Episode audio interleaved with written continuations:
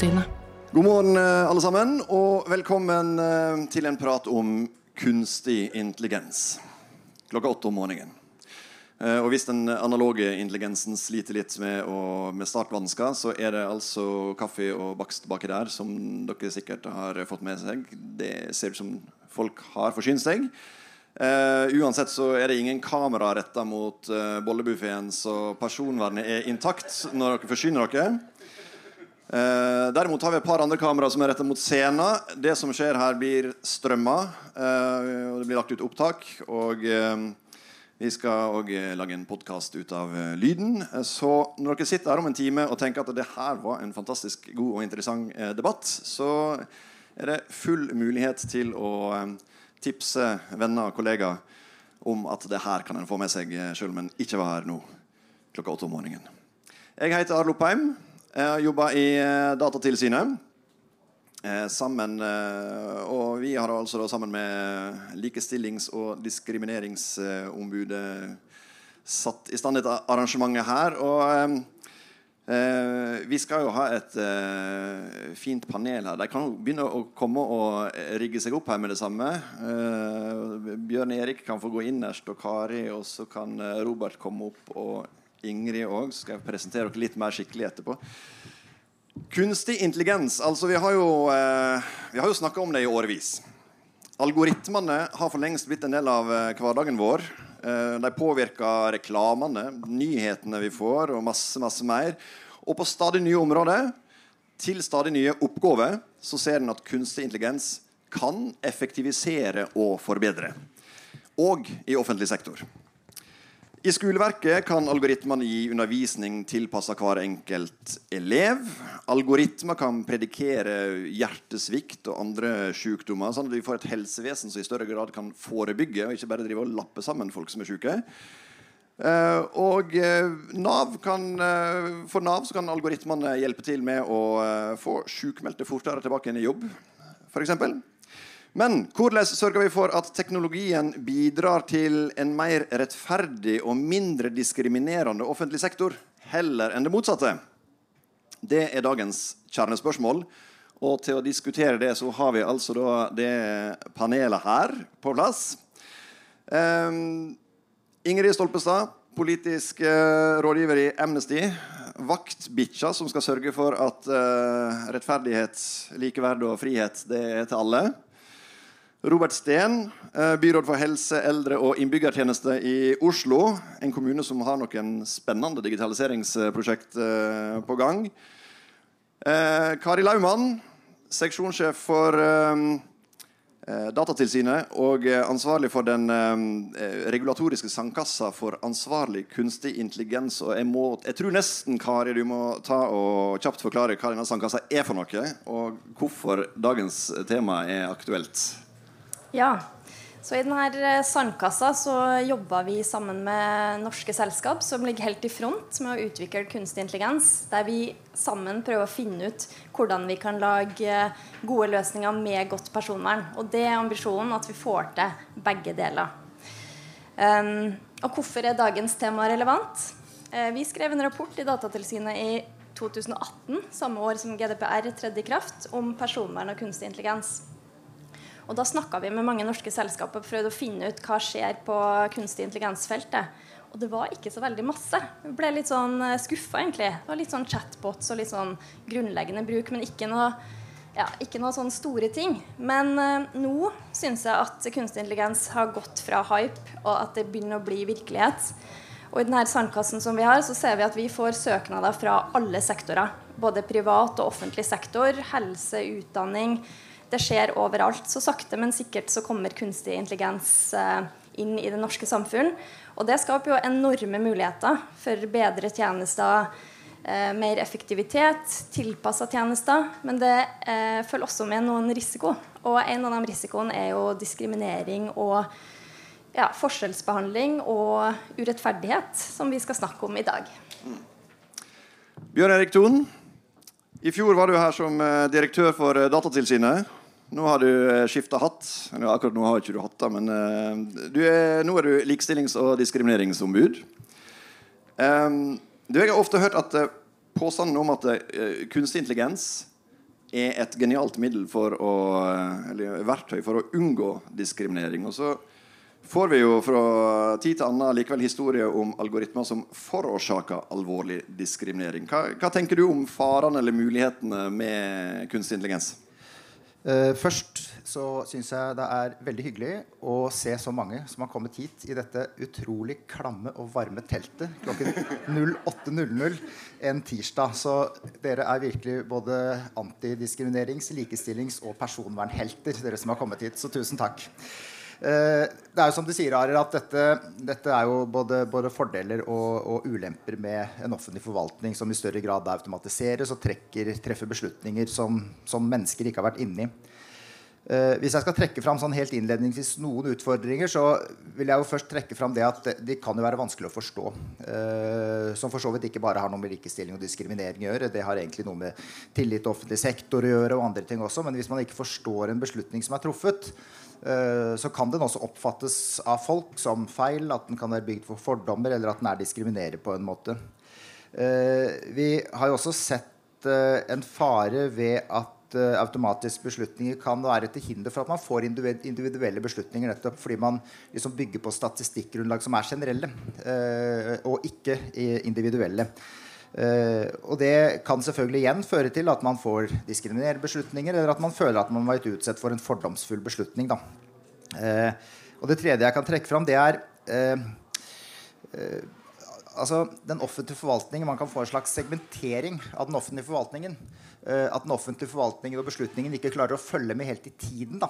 Og jeg tenkte jeg skulle trekke fram et par eksempler på det. Eh, det første handler om eh, foreldretvister eh, og det som før het morspresumpsjonen.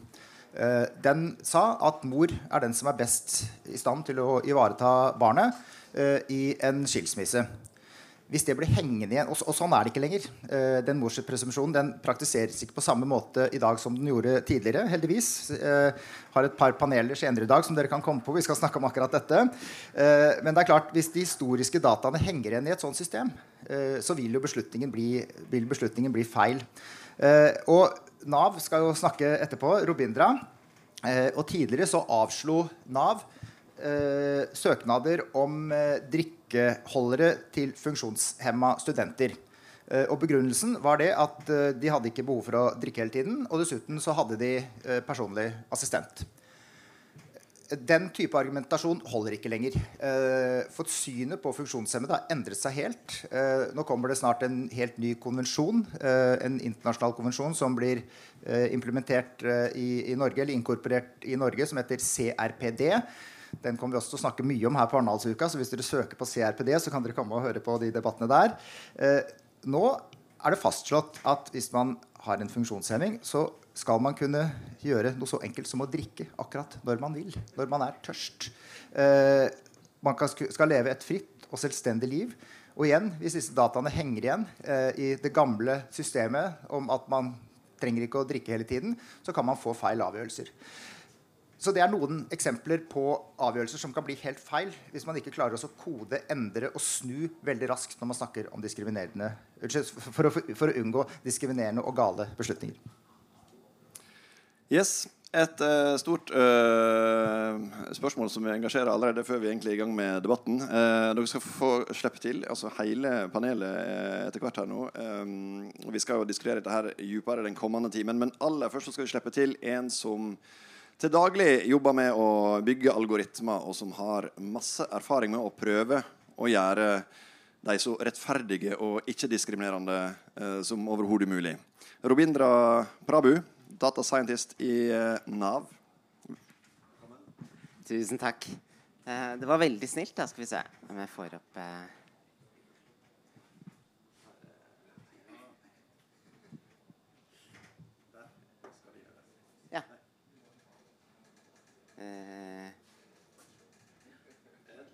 ja. Nei, men jeg kan jo bare begynne. Um, Rovindra Frabø heter jeg. Jeg er data scientist i Nav.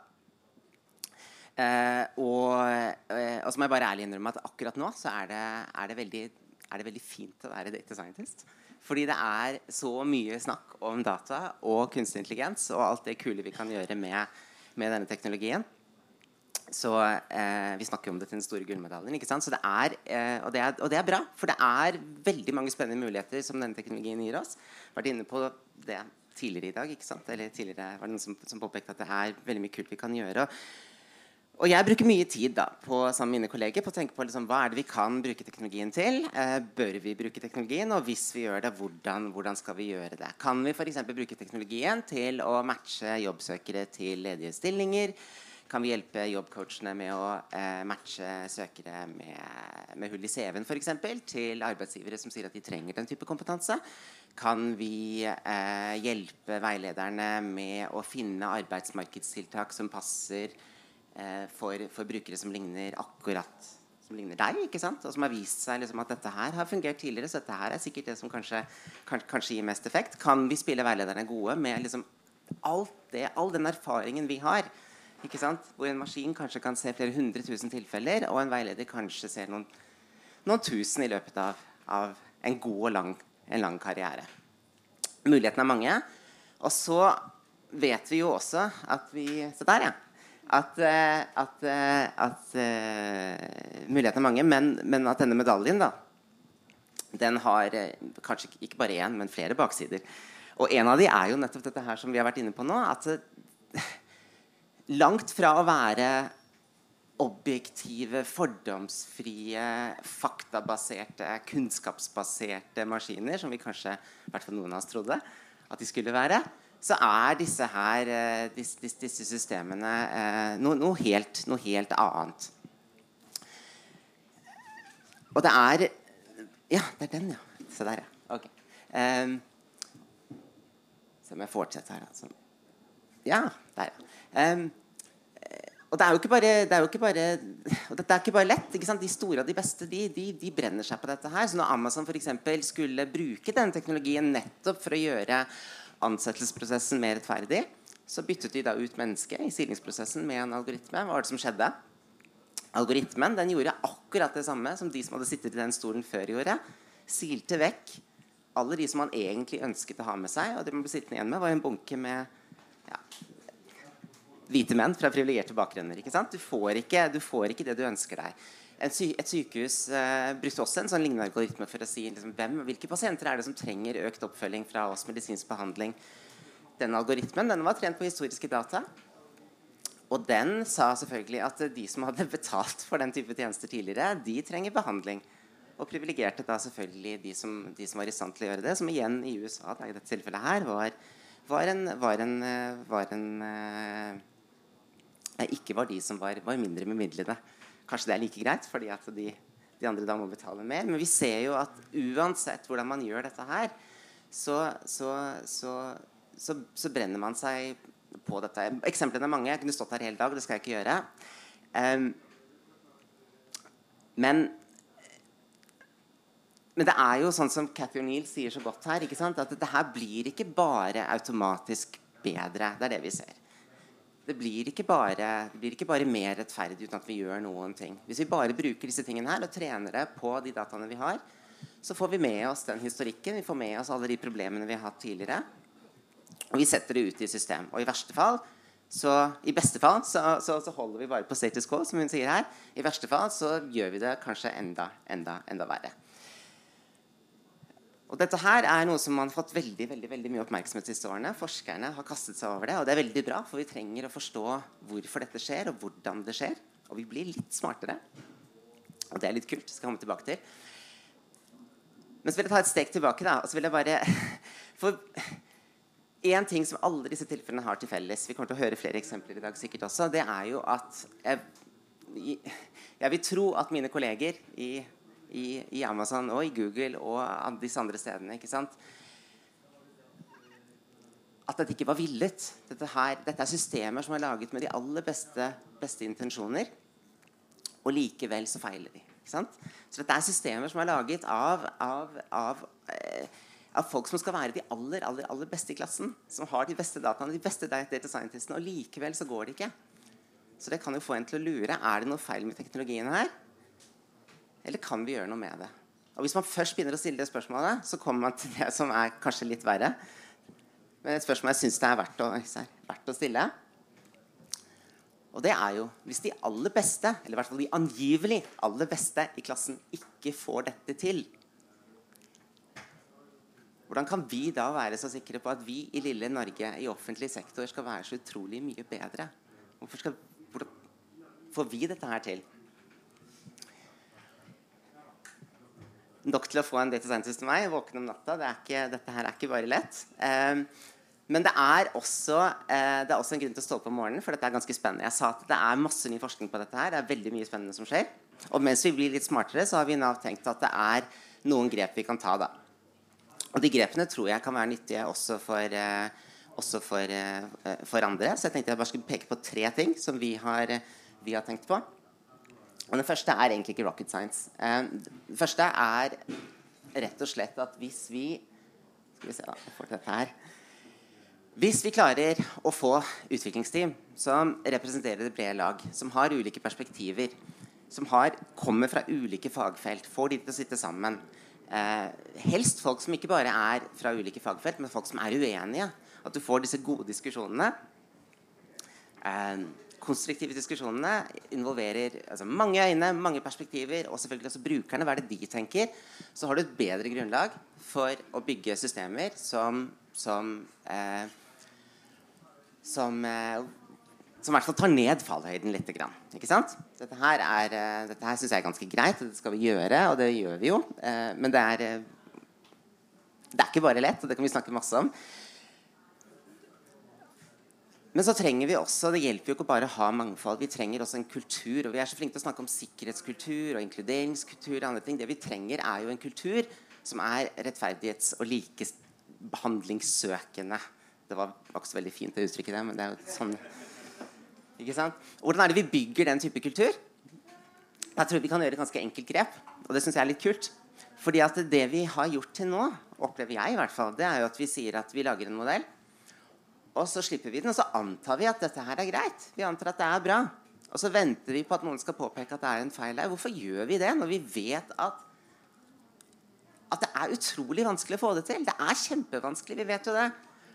Og det er ikke noen skam med at ikke modellen din er perfekt. Så vi sier til utviklerne våre bare anta heller at modellen din ikke er perfekt, og bevis heller det motsatte. Da får vi en kultur hvor vi jager, jager feilene og, og, og, prøver å, å, avdekke dette tidlig før vi, vi sjøsetter.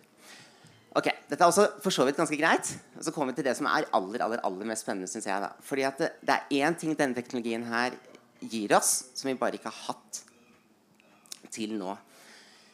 Fordi selv om denne teknologien er fordomsfull og diskriminerer og gjør ting som kanskje, kanskje, kanskje ikke engang menneskelige systemer ville finne på å gjøre, så tenker jeg at vi har én fordel her. Og det er at disse modellene her, de, de lyver ikke. De er ikke i stand til å lyve. De er helt ærlige om sine fordommer. Så hvis vi spør, så får vi spar. Så hvorfor spør vi ikke? La oss bare spørre. La oss diagnostisere. Den er ærlig. Vi kan stille spørsmål. Vi får svar hvis vi, hvis vi er flinke til å stille disse spørsmålene. Og det er her liksom forskningen virkelig har, har levert de siste årene. Vi har kommet med en hel haug med ulike mål på hvordan vi kan måle hvorvidt disse modellene her er rettferdige eller ikke rettferdige. De har sine svakheter, disse målene her. de har det. Men det er utrolig kult at vi nå på en måte ikke bare, ikke bare kan snakke om det, men vi kan sette tall på det. Vi kan si så stor forskjellsbehandling ser vi at denne modellen her har. Dette må vi gjøre noe med, eller dette kan vi leve med. Ikke sant? Og det er litt kult. Det kan vi ikke gjøre med systemene vi har i, altså de menneskelige systemene vi har i har i dag. Og det gir oss som spennende verktøy. Det gjør at vi kan, kan, kan, ta noen valg i forkant. Men jeg tenker jo også at tilsynsmyndighetene her har noe å kaste, kaste seg over. fordi det gir, det gir, jo muligheten til å, å, stille krav. Vi kan si at vis oss, vis oss at algoritmene dine er, er, er, rettferdige. Vi forventer at det skal være sånn, sånn, sånn. Vis oss det. Og hvis vi gjør det, så flytter vi jo bevisbyrden fra fra den svakere part til de som faktisk sitter og utvikler, utvikler disse modellene. Og det syns jeg er litt kult. Så hvis dette er så lett, da, hvis det er sånn at vi har ja, det er bare litt ansett liksom, bredt å få på en fin kultur, og så er det masse verktøy Det er bare, liksom, det er bare å beregne det, se på det, sjekk. Hvorfor gjør vi ikke dette her? Hvorfor gjør vi det ikke bare? Bare peke på tre avslutningsvis tre nøtter, eh, for dette her er ikke bare lett. Um, og den første nøtta, den jeg Den er grønn. uh, og det er jo at alle er på en måte enige om hva som er rettferdig. Men vi er ikke alltid like enige om hva som er uh, Eller vi er veldig enige om hva som er urettferdig. Men vi er ikke alltid enige om hva som er rettferdig. Det er det som er så utrolig mye det er, det er mye vanskeligere. Av og til så tenker vi at ja, det skal, være, det, skal være, likt for alle. Andre ganger så tenker vi at det er nettopp gjennom forskjellsbehandling at vi får til en likebehandling. Og disse konseptene her, de er kodifisert i lovverket, og sånn, så, så, offentlig sektor vi er i hvert fall prisgitt det og kan hvile oss på det.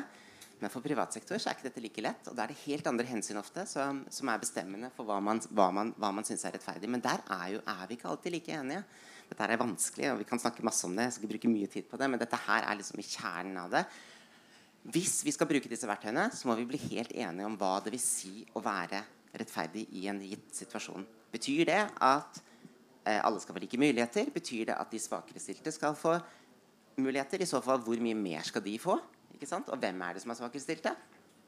Alle disse tingene her, de må vi snakke om, og så må vi, sette, vi være helt presise. Så det skjerper på en måte debatten om hva det vil si å være, være rettferdig. Det er en mulighet, også en utfordring.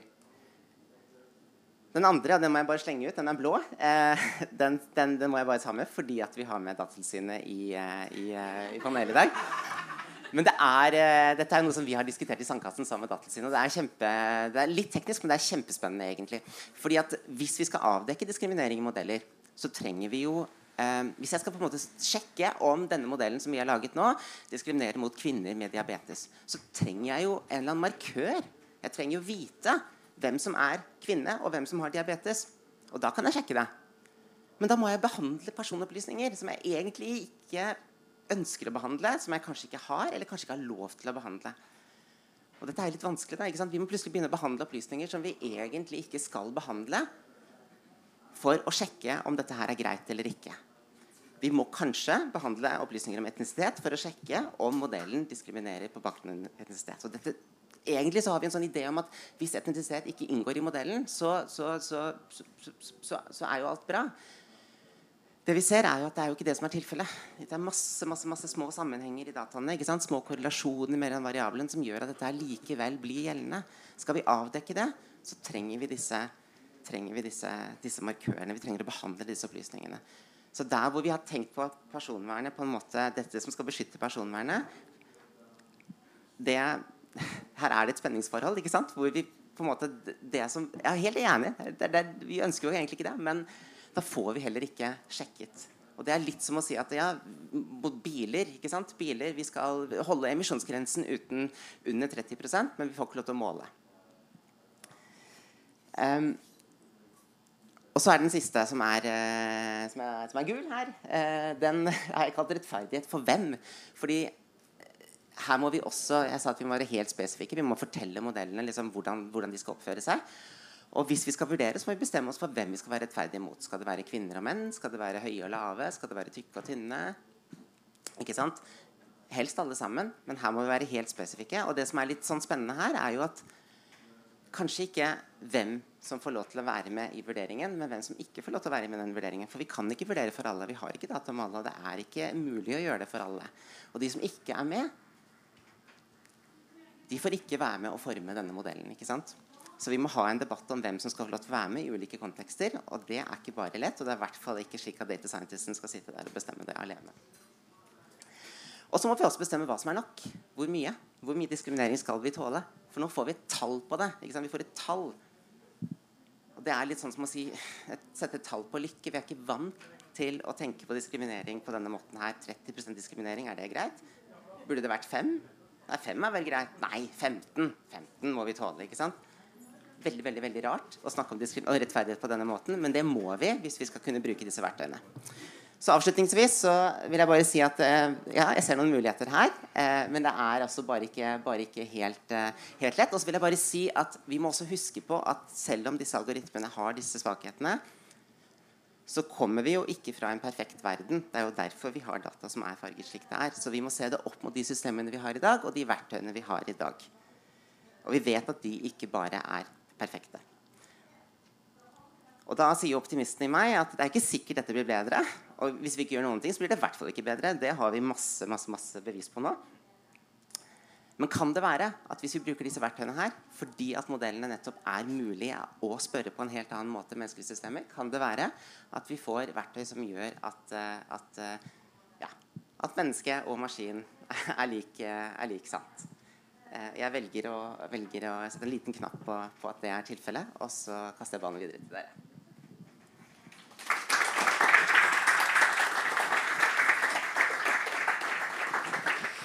Det var en uh, velfortjent applaus til Robindra, som sikkert satte tankene i sving hos uh, mange. Og uh, panelet, som nå skal få lov å ta temaet videre her. Altså Nå får vi jo et tydelig hint om at ja, på en måte er det et godt tegn, et godt symptom at du sover dårlig om natta.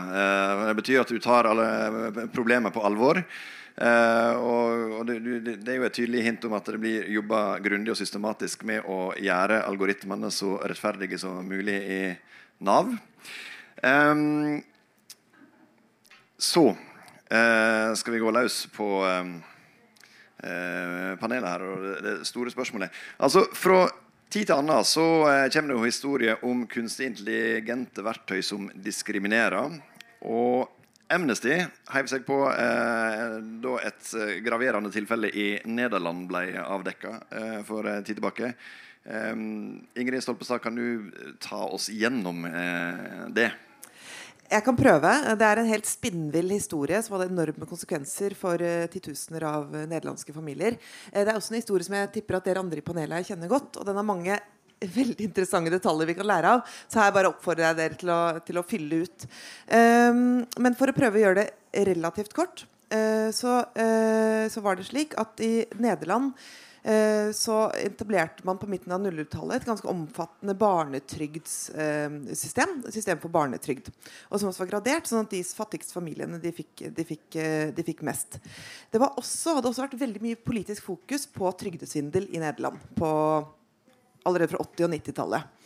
Eh, så det var høyt fokus på å unngå, eh, unngå eh, trygdesvindel i bruk av dette barnetrygdsystemet.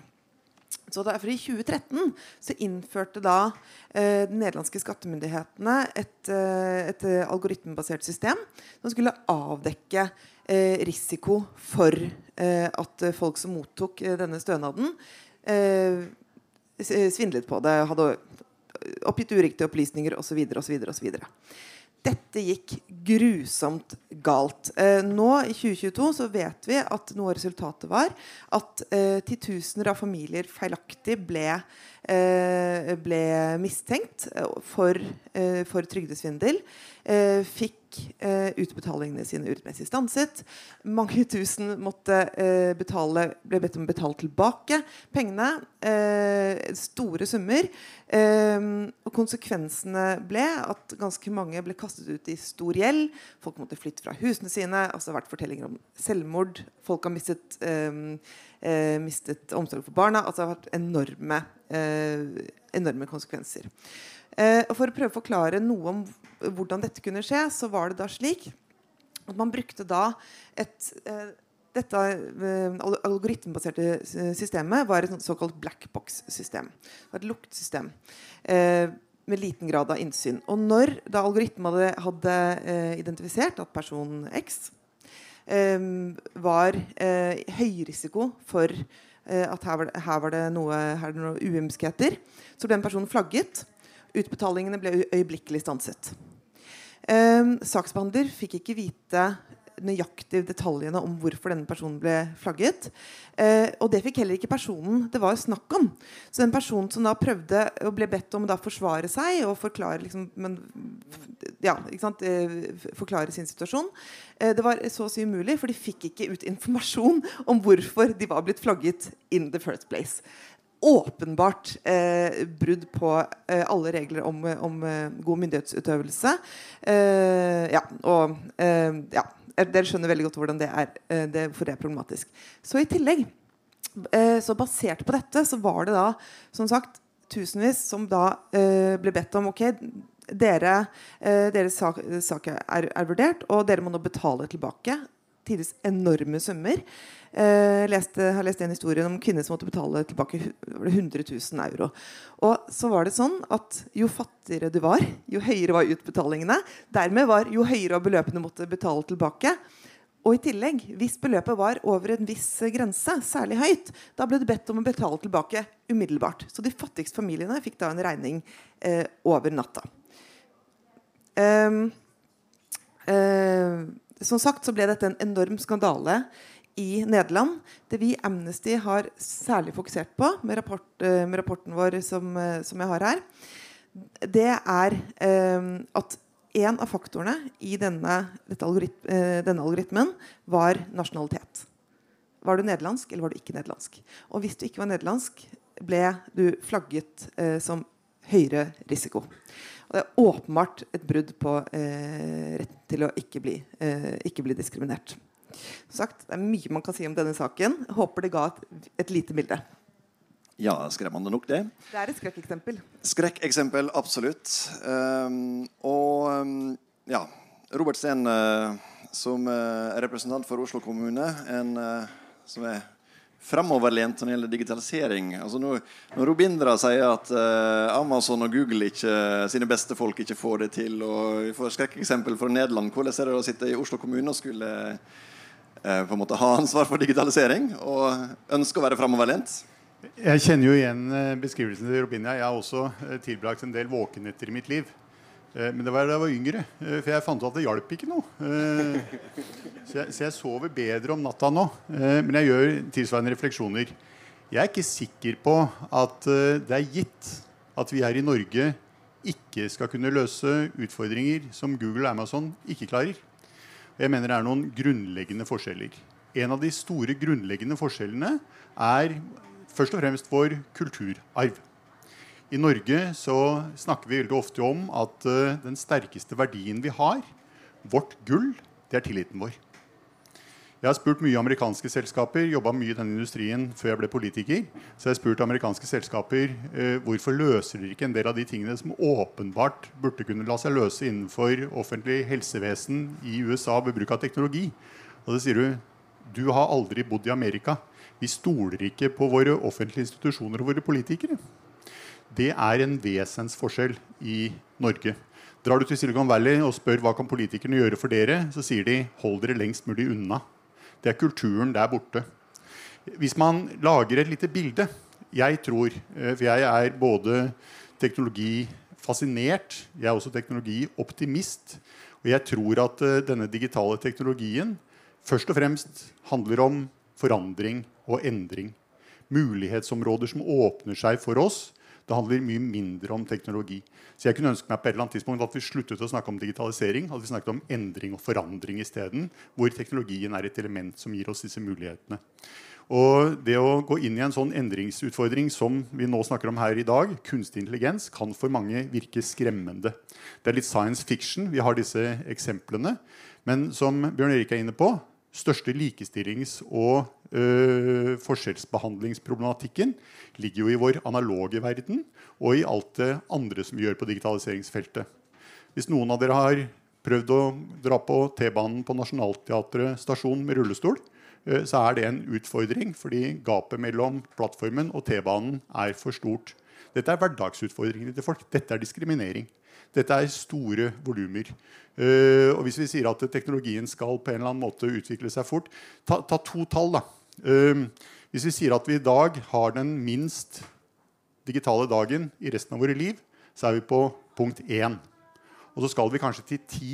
Jeg aner ikke hva den tidsaksen er, men vi skal fra i dag til noe som er enda mer inkludert i vår tekniske hverdag. Det smelter i hverandre.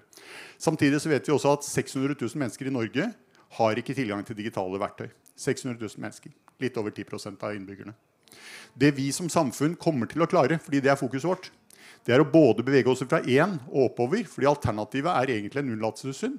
Men samtidig så må vi passe på at de 600 000 ikke blir flere. De må bli færre. Så igjen så må vi på den norske måten ta hverandre i henda og gå sammen. Og da må vi spre kunnskap. Vi må dele kunnskap. Vi må gi oss trygghet. Vi må ha forståelse. Oslo kommune er litt flåsete. en stor kommune i norsk sammenheng. Vi er 700 000 innbyggere. Vi har 52 000 ansatte. Vi er den største arbeidsgiveren i Norge. Vi har 3000 ledere i Oslo kommune. Jeg har en liten idé om at jeg skal samle de 3000 lederne i et rom. Og så skal jeg spørre de. Kan alle sammen rekke opp hånda? Og da får jeg 3000 hender i været. Jeg skal ikke forklare hvordan jeg kom til det tallet. Så skal jeg si til dem, Kan alle dere som ikke har skrevet en kildekode i deres liv, ta ned hendene? Jeg antar at det er noen hender som forsvinner. Neste spørsmål er kan de av dere som da har kompilert kildekode og kjørt programmet som en konsekvens av dette, holde hendene oppe, dere andre ta de ned? Noen flere hender går ned. Tredje spørsmål er kan alle dere som ikke forsto hva jeg snakket om, ta ned hendene? Og da er det ikke noen hender igjen. Og det er et, i og for seg et bilde på hvor liten kompetanse vi har. Og dette gjelder jo ikke bare Oslo kommune. Dette gjelder jo ikke bare offentlig sektor. Dette gjelder norske samfunnet, hvor lite kompetanse vi har på dette området. Og hvor viktig det er å bygge den kompetansen, som også Bjørn Erik er inne på. Men jeg tror som sagt at per i dag så er det andre områder som er like viktige i forhold til dette med diskriminering, likeverd, likebehandling. Og du nevnte CRPD, eh, Bjørn Erik. Dette ligger jo til grunn for vårt arbeid. Jeg synes at Den inngangen er en spennende inngang. CRPD sier at eh, har du et handikap som gjør at du på en eller annen måte må ha ting tilrettelagt for deg, så er det ikke din skyld. Det er samfunnets ansvar å gjøre det. Og jeg tenker Det samme i forhold til dette området her. Dersom vi skal bruke algoritmer til å legge til grunn for enten beslutningsstøtte, som det egentlig er i dag, det er ikke beslutninger som ligger til grunn, det er beslutningsstøtte, eller på et eller annet tidspunkt om noen år dette skal være grunnlaget for beslutninger, så er det ikke du som faller utenfor, som har skylda. Men det er vi som samfunn som må legge det til rette. Og der har vi en kultur i Norge som er annerledes enn den kulturen i de landene som disse selskapene kommer fra. Så jeg tror det er mulig. Men jeg er jo optimist, da. Ja. Du er byråd for helse. Det er passende at du serverer oss litt beroligende her i, i verbal form. Ja. um, Bjørn Erik Thon, altså, okay, skrekkeksempel eh, fra, fra, Nederland, og, men òg litt beroligende fra Oslo kommune her. Um, ja, hva, tenker du?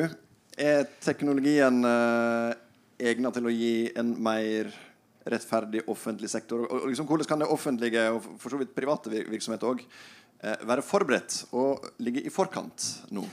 Altså, det, som, det, som, slår meg når jeg hører eh, innleggene både fra, eh, fra Robindra og Robert, det er jo at altså, noe av jubelen eh, rundt Eller hva skal vi si, dansen rundt, rundt KI-kalven, den, den har jo stilnet og lagt seg litt. ikke sant? Det har kommet en helt annen realisme Eh, inn i måten vi snakker eh, om dette på. Eh, vi har sett uheldige eksempler både fra de store teknologigigantene og som Ingrid snakket om også fra ja, Nederland i dette tilfellet her. da. Og det jeg synes er interessant når vi prøver å se litt sånn på, i fugleperspektiv på denne utviklingen, er jo også at det har kommet helt nye aktører til som har engasjert seg i dette. Og der er jo Amnet et veldig godt eksempel. Dere har jo kommet sånn som jeg opplever det ganske altså ikke sent inn, men at det er først i det siste dere har begynt å se på hva slags utfordringer kunstig intelligens egentlig kan skape. Uh, så både det at vi liksom har fått en, en, en realistisk syn på hva som er oppsiden, men også erkjennelse av at dette er på ingen måte uproblematisk. Her er det mange mange, mange fallgruver. Uh, og når jeg hører dere snakke her også, så tenker jeg at jeg er egentlig veldig glad for at det er Nav Oslo kommune som sakte, men sikkert ruller ut KI-løsninger, og ikke Facebook eh, når vi kjenner historien til Facebook. Jeg er veldig glad for at ikke de kjører systemer og holder på for offentlig sektor. Men jeg tror hvis vi skal få dette inn på et godt system, så er vi nok, vi er nok nødt til å bygge liksom et, et, et apparat som handler om et et godt lovverk. altså Vi må ha et godt og modernisert lovverk. Der kommer det jo nye regler fra eh, EU. Eh, vi har ikke tid til å gå inn på det nå. Eh, vi har fått nye verktøy, nye måter å jobbe på, som f.eks. Sandkassen til Datatilsynet, hvor vi i Likestillings- og diskrimineringsombudet også er med på flere av prosjektene. Eller vi er jo med i referansegruppen og gir innspill, sånn at ikke det skal være diskriminerende beslutninger som treffes der. Uh, og Robert var inne på kompetanse. Det er jo alltid sånn at Vi snakker om ja, her må man ha mer kompetanse. Uh, jeg, jeg, tror at det er helt, helt avgjørende. Uh, og det vi ser, er jo at mange steder så er det mangelfull diskrimineringskompetanse. det å kunne kjenne igjen og analysere diskriminering er det ikke så innmari mange som kan. Vi kan det veldig godt. Vi har jobbet med det vi kan kalle analog diskriminering, siden Likestillings- og diskrimineringsombudet ble opprettet i eh, for mange år siden. Husker ikke farten når det var. Ja. Men det er, lenge, det er lenge siden i hvert fall. Eh, og, og, det er klart, vi ser jo også veldig nøye på, på den rollen vi skal ha i dette. Som en rådgiver, en, en, veileder som kan kjenne igjen og, og, og kunne analysere, eh, analysere eh, diskriminering. Uh, og det siste jeg har lyst til å trekke fram, uh, det, er, det, er, tilsyn. Hvis vi har da et lovverk, nye verktøy, kompetanse og tilsyn, så begynner vi å få et, et, et system rundt den kunstige intelligensen som er akkurat det samme systemet som vi har rundt masse andre beslutninger som ikke bruker kunstig intelligens. En helt vanlig forvaltningsavgjørelse, f.eks. For uh, og det siste med tilsyn er jo kjempeviktig. fordi før var, eller det vil si, det er viktig, men det er vanskelig. For før var verden så enkel.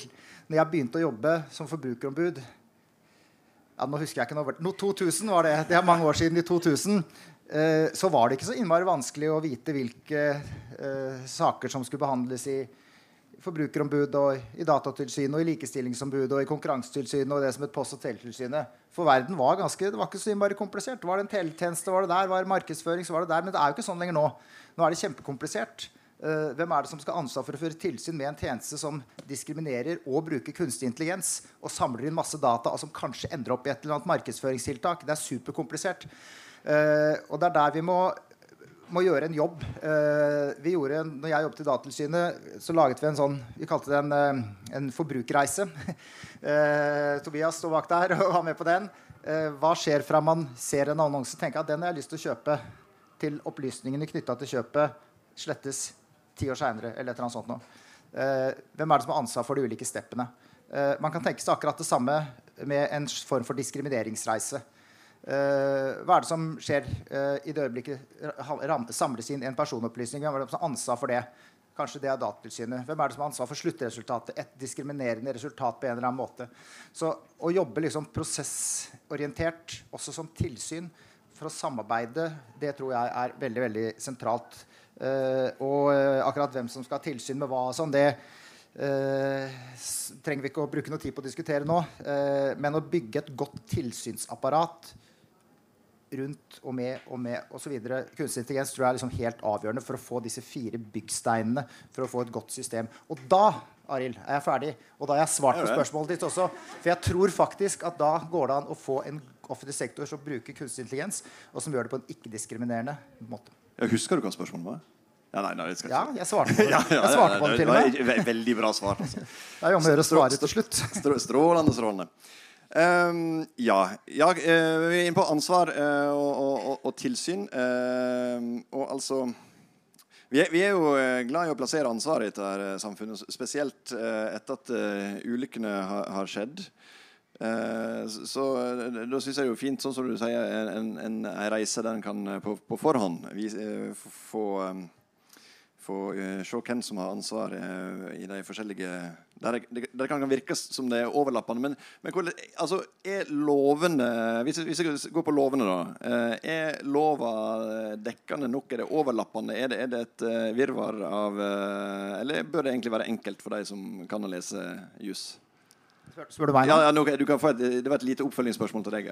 Eh, altså Et lovverk må jo, må jo, hele tiden tilpasses i dette tilfellet den teknologiske utviklingen. Eh, det var jo derfor vi fikk et eh, Nå må jeg snakke litt om et eksempel som har vært veldig sentralt i dette. og Det, det var derfor vi fikk eh, altså General Date Protection Regulation, GDPR, i sin tid. Det var fordi at det trengtes et nytt, oppdatert regelverk på personvernområdet. Og det akkurat kommer vi til å se nå. Eh, nå jobber du med Digital Service Act, altså Kunstig intelligens Act, Digital Market Act i, i EU. Uh, så, så, det jobbes, og, det er jo også ting som det, det, vil også hjelpe for å forhindre diskriminering. Uh, jeg er ikke helt opplest på alle disse forordningene nå, så jeg kan ikke gå så veldig mye inn på det. Uh, men, men, vi trenger jo et oppdatert regelverk sikkert på mange områder for å få tatt utskuddene av det vi snakker om her. For lovverk det er jo ikke et statisk verktøy, det er et dynamisk verktøy.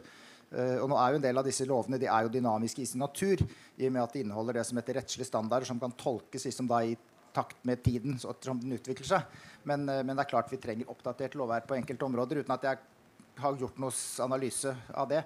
Men CRPD, som Robert også var inne på, altså funksjonshemmedekonvensjonen, eh, den er jo et eksempel på det.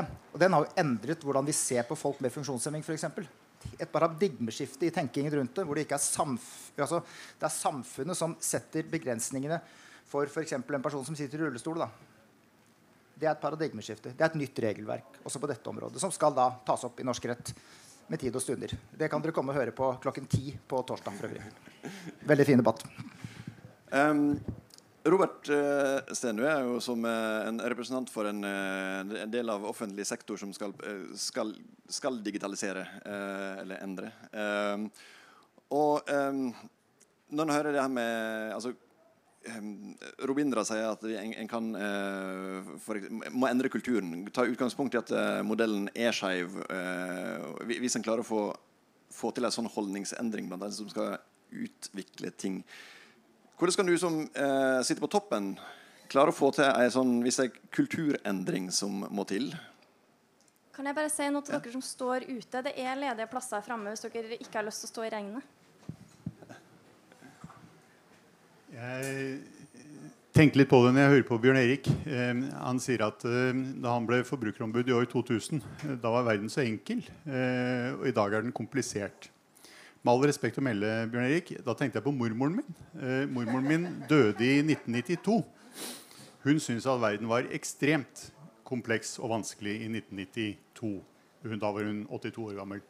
Så jeg tror liksom at det, det, at verden er i utvikling, bevegelse og forandring, er jo ikke noe nytt fenomen. Eh, og da er det igjen litt tilbake til de grunnleggende måtene våre å gjøre dette på. Det var derfor jeg kom inn på den norske kulturen og, og tillit og, som vår liksom, ene, kanskje største verdi i vårt samfunn.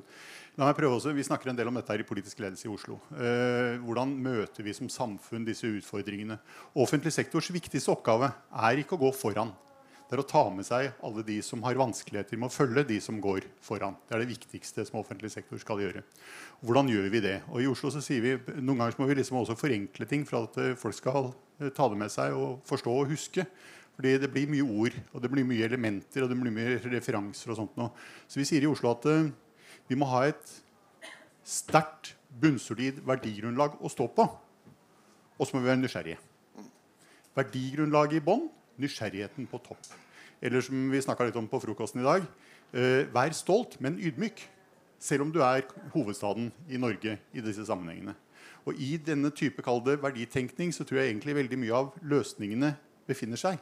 Fordi det er ingen i dag som kan fortelle oss designet på hvordan kunstig intelligens kommer til å se ut om tre, fem, ti år. Det er ingen som kan gi svarene på hvordan vi skal håndtere det. Det er vi nødt til å finne ut av sammen.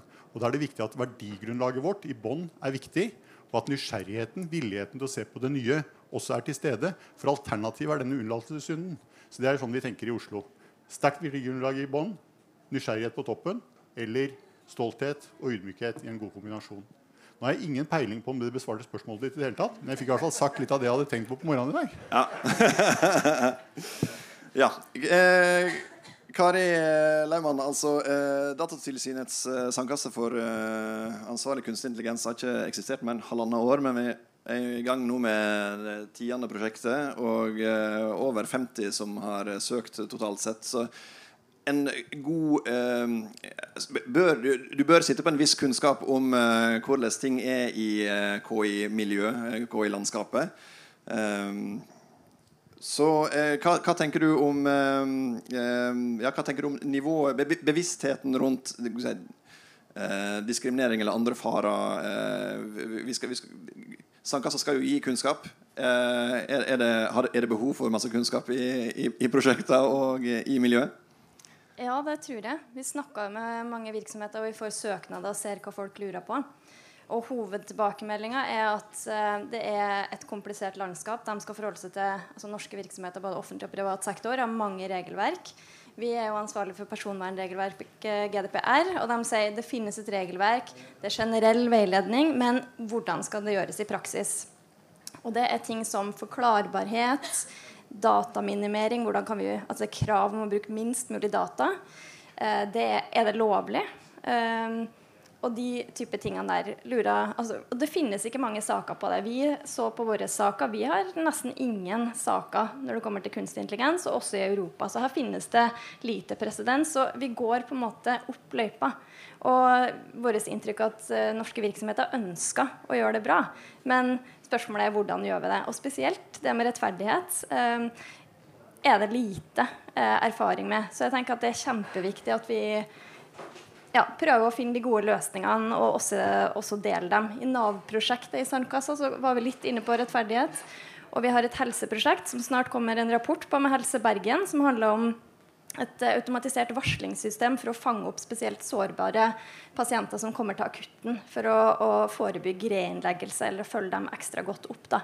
Der har vi også sett på det med forklarbarhet. altså Hvordan kan folk vite at opplysningene deres blir eh, behandla. Og det er en forutsetning for at de skal fange opp at det kanskje skjer en urettferdighet. Vi har også et eh, prosjekt med Ahus som vi holder på å starte opp nå. Som handler om eh, å analysere EKG-data ved hjelp av eh, kunstig intelligens for å forutsi hjertesvikt. Og her er Fokuset i prosjektet er på algoritmeskjevhet. Hvordan eh, oppstår skjevheter? Er det datagrunnlaget? Er det algoritmen i seg sjøl? Og hvordan kan vi unngå det? Uh, og vi skal også utforske det her rettferdighetsprinsippet i regelverket opp mot dataminimeringsprinsippet. Så vi føler liksom at vi går opp litt sånn upløyd mark, spesielt på det med, med rettferdighet. Um, så det blir spennende å finne de gode løsningene og ja, det med kompetanse. Da. Her må vi liksom bygge. Vi er liksom i startfasen på bruken, og vi må forstå både mulighetene, men også risikoene, risikoene og hvordan vi fiksa det. da. Bjørn Erik har bedt om en uh, kjapp replikk her. Den må være kjapp. for noe. Uh, ja, da, jeg, skal, jeg, skal, være kjapp, men jeg, jeg, jeg ble, litt, jeg ble litt inspirert uh, når jeg, hører på, på, Robert, som sier at et, et, samfunns viktigste oppgave er å ta vare på de som faller utenfor. Det, det, tror jeg treffer veldig mange av oss i hjertet. Samtidig så vet vi at en del av de eh, gruppene som eh, vi jobber med i Likestillings- og diskrimineringsombudet, eh, de eh, er nettopp de som lettere faller utenfor. Eh, av ulike grunner. Det kan være funksjonsnedsettelse, etnisitet, alder, det kan være andre diskrimineringsgrunnlag. Og det å bygge teknologi som hindrer diskriminering og fremmer likestilling, det må vi snakke mer om. Uh, for jeg er jo også teknologioptimist. Jeg tror også man kan få veldig mye ut av å bruke teknologi riktig. Og et eksempel som du har brukt før, Robert, vi har jo snakket om dette gjentatte ganger opp gjennom årene, det er hvordan man kan få til Kan man komme til et system, og dette vet jeg også at Nav har jobbet med, kan man få tildelt en rettighet som man ikke vet at man egentlig har krav på? Eh, altså automatisk tildeling av rettigheter. Du har brukt uh, eksempelet, Robert. Man vet hvor mange unger som begynner på skolen. Uh, syv år på forhånd. Nei, seks år på forhånd. Ikke sant? Et veldig enkelt eksempel. Dette er veldig veldig komplisert, men jeg vil gjerne liksom ha et framtidsbilde også, hvor vi nettopp igjen altså kan hindre diskriminering og fremme likestilling ved å bruke teknologi, f.eks. ved automatisk tildeling av tjenester. Ekstremt krevende, men jeg tror det å bruke teknologi på den måten er en vei å gå. Robert, du, du må huske hva du skal si litt, for eh, Ingrid Stolpestad. Um hva tenker Amnesty altså, vi, vi, vi, hører jo, um, vi, hører jo, at det er vanskelig altså, er, det, det, er vanskelig å lage gode algoritmer. Eller handler det mer om en kultur og en bevissthet i de mennesker som utvikler den? Så, så liksom her, um, det jeg lurer på ja, hva, hva, tenker du er hovedproblemet her? Hva, hva, hva kan en ta, ta tak i? Eller kanskje mer hovedløsningen. Jeg har lyst, litt lyst til å være kanskje enda litt mer konkret eh, om, om, det. Vi har vært inne, inne på noe. Eh, ikke løsningen, men at vi i Amnesty har noen ganske konkrete anbefalinger eh, som, vi, som vi har til stater for å sørge for at dette skal skje på en ok måte. For disse systemene de kommer jo. ikke sant? Og vi ser også at de kan jo ha enorme positive effekter, men det trengs å stilles noen krav. Eh, og det ene har Bjørn Erik vært inne på, det er at vi trenger faktisk et, et tilsynsmodell for det. Eh, algoritmetilsyn er noe som har vært diskutert eh, flere steder, også, også i Norge. Men eh, det man er inne på at dette nå er veldig tverrfaglig, gjør at man bør se på hvordan kan man sikre tilsyn. Og så er det sånne helt konkrete ting, sånn som at hvis du nå går tilbake til nederlandseksempelet, at du aldri, skal aldri ha en faktor som på noen som helst måte kan handle om et diskrimineringsgrunnlag som etnisitet eh, inne. Eh, og heller ikke det som kan være, som eh, Ravindra var litt inne på, en proxy for etnisitet. ikke sant?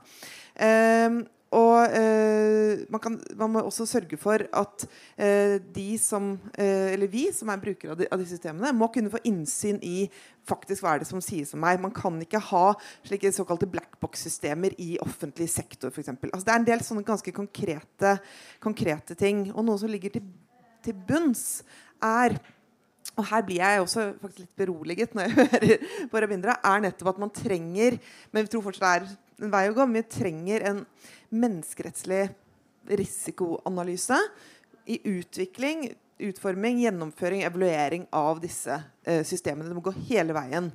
Um, ja. Og det er liksom bare noe av det man kan gjøre. Amnesty har vært med på å utvikle noe som heter Toronto-deklarasjonen. Der kommer det en rekke anbefalinger. En av de er også de som du var inne på, med at i utviklingen av systemene så må det være mangfold i hvem som utvikler det. fordi da ser man, ser man, ser man andre ting. Så det er en del sånne ganske konkrete ting som, eh, som må, som må på plass. Og der er det jo opp til politikerne nettopp igjen å sørge for at man har uh, rammene for det og, og, og budsjettene til å, til å, gjøre det. Ja. Du, du, du, ønsker gjerne politikerne mer på banen, uh, antar jeg, om temaet?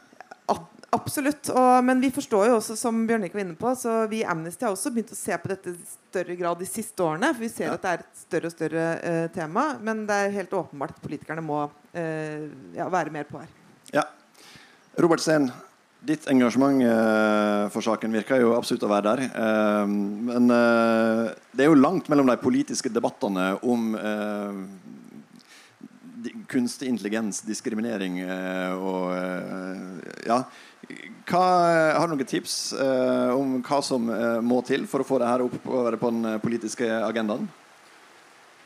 Jeg tenkte på det når, når du snakka nå. Eh, politikerne må på banen. Og så tenkte jeg at det er jo ikke de, bare de 3000 lederne i Oslo kommune. Tenk å kunne samla de 169 eller hva det er for noen stortingsrepresentanter i samme øvelsen. Hvor mange av dere har skrevet en kildekodelinje? Da ville nok hendene falt allerede på første spørsmål. Eh, så, eh, og, jeg må jo innrømme at det er, så, det er, ikke så, ofte jeg treffer så veldig mange politikere eh, til denne type debatter. Eh, og det er ekstremt viktig. For dette handler om samfunn. Det handler om samfunnsutviklingen. Det handler om demokratiet. Det handler om verdigrunnlaget vårt. Det handler om vi skal liksom sende av gårde de mest eh, ressurssterke, og privilegerte og kunnskapsrike og la de få lov til å løpe, eller om vi skal ta med oss alle. Det er jo liksom igjen det grunnleggende norske, norske modellen. Derfor så må politikerne så til de grader inn i dette. Eh, jeg har sagt noen ganger, og det er kanskje begynner, de som har hørt meg noen ganger, begynner å bli lei det, men eh, denne teknologiutviklingen som vi står midt oppi, kommer til å forandre samfunnet vårt mer enn den industrielle revolusjonen gjorde. Og så husker vi ja vi husker jo ikke det da, men vi har lest om uh, hva industrielle revolusjonen gjorde med organisasjonsmodeller, med ledelse, med strukturer, med kulturer, med verdiskapningen, med fordelingen av verdiskapningen osv. Alt dette skal vi nå inn i. Og politikerne er ikke her. Det er merkelig. Så det er jeg helt enig i. Så til det konkrete, som var litt inne på, Bjørn Erik også. Uh, dette med unnlatelsessynden. Uh, I 2017 så lagde vi i Oslo en visjon eller en strategi for hvordan vi trodde kanskje at eh, teknologien skal kunne påvirke utviklingen av Oslo. Uh, og Det er vanskelig for folk flest å skjønne noe om en framtid som vi ikke har vært i. Og det er vanskelig å forstå hvordan det ser ut. Så vi lagde liksom et forsøk på å se hvordan verden kunne se ut i framtiden. Mange har spurt om de kan få en kopi av, av, det dokumentet. Det kan de ikke, fordi vi lagde det som en tegnefilm. Og for de av dere som ikke har sett historien om Tim, slå det opp på YouTube. Der er Tim Osloborgeren Eh, og Der er det mye kunstig intelligens inni den historien. laget i 2017. En av de er at Tim fikk automatisk tildelt barnehageplass og betalte det han skulle. Og så høres jo det litt rart ut, men i Norge i dag så er det 30 000 familier som ikke får den rabatterte barnehagesatsen fordi de sannsynligvis ikke evner å sende inn skatteopplysningene. De evner ikke å sende inn skatteopplysningene. De har en familieinntekt på under 500 000 men får ikke den rabatten som Stortinget har bestemt at de skal gjøre. Det har vi i Oslo nå automatisert. Vi får skattedataene til alle som søker barnehageplass i Oslo. Og du får redusert barnehageplass hvis du har lavere inntekt enn 500 000. For vi sitter jo på dataene.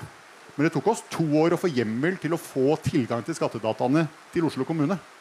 Men det er et eksempel på hvordan man da bruker en relativt enkel algoritme enkel kunstig intelligens som beslutningsstøtte for å gi den rabatten som Stortinget har bestemt at innbyggerne skal ha, og som de ikke fikk.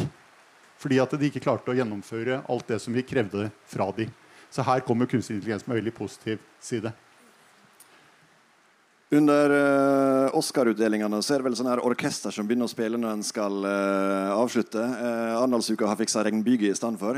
Uh, så det er hint om at klokka har gått ifra oss. Men jeg vil snike inn et sånn siste Bare sånn nærmest en slags håndsopprekning. Jeg tenker på det her med, med biler. altså sånn når vi, når vi, har sånne skrekkeksempel eh, og, og, liksom kan miste nattesøvn og alt mulig over eh, farene ved utviklinga, så er det sånn OK, må vi sette bremsene på? Eller skal vi eh, installere en god airbag, sånn at de tåler smellen, liksom bedre rusta når smellen kommer? Eller er det greit å skaffe seg en eh, adaptiv cruisekontroll i stedet for? Er det kanskje det beste? Eh, hva, eh, hva Hans opprekning her på Hvem, vil sette på bremsene? Ingen vil ha på bremsene. Hvem går for eh, airbag? Airbag, ja. Ok. Og adaptiv cruisekontroll, det blir for Ja, ok. Ja, det var ja, Det er jo en dobbeltsikra, for så vidt. Det, jo, eh, det høres ut som en, en god idé. Eh, hjertelig takk til alle sammen som har eh, møtt fram og hørt på. Og den debatten her kunne garantert vart en time til. Eh, men eh, det var den tida her eh, Arendalsuka hadde satt av til oss. Så eh, dere får fortsette debatten på utsida i regnet eller med kollegaer andre plasser. Eh, og tips gjerne andre om at de kan høre det som ble sagt her på et eller annet plass digitalt. takk, takk, takk.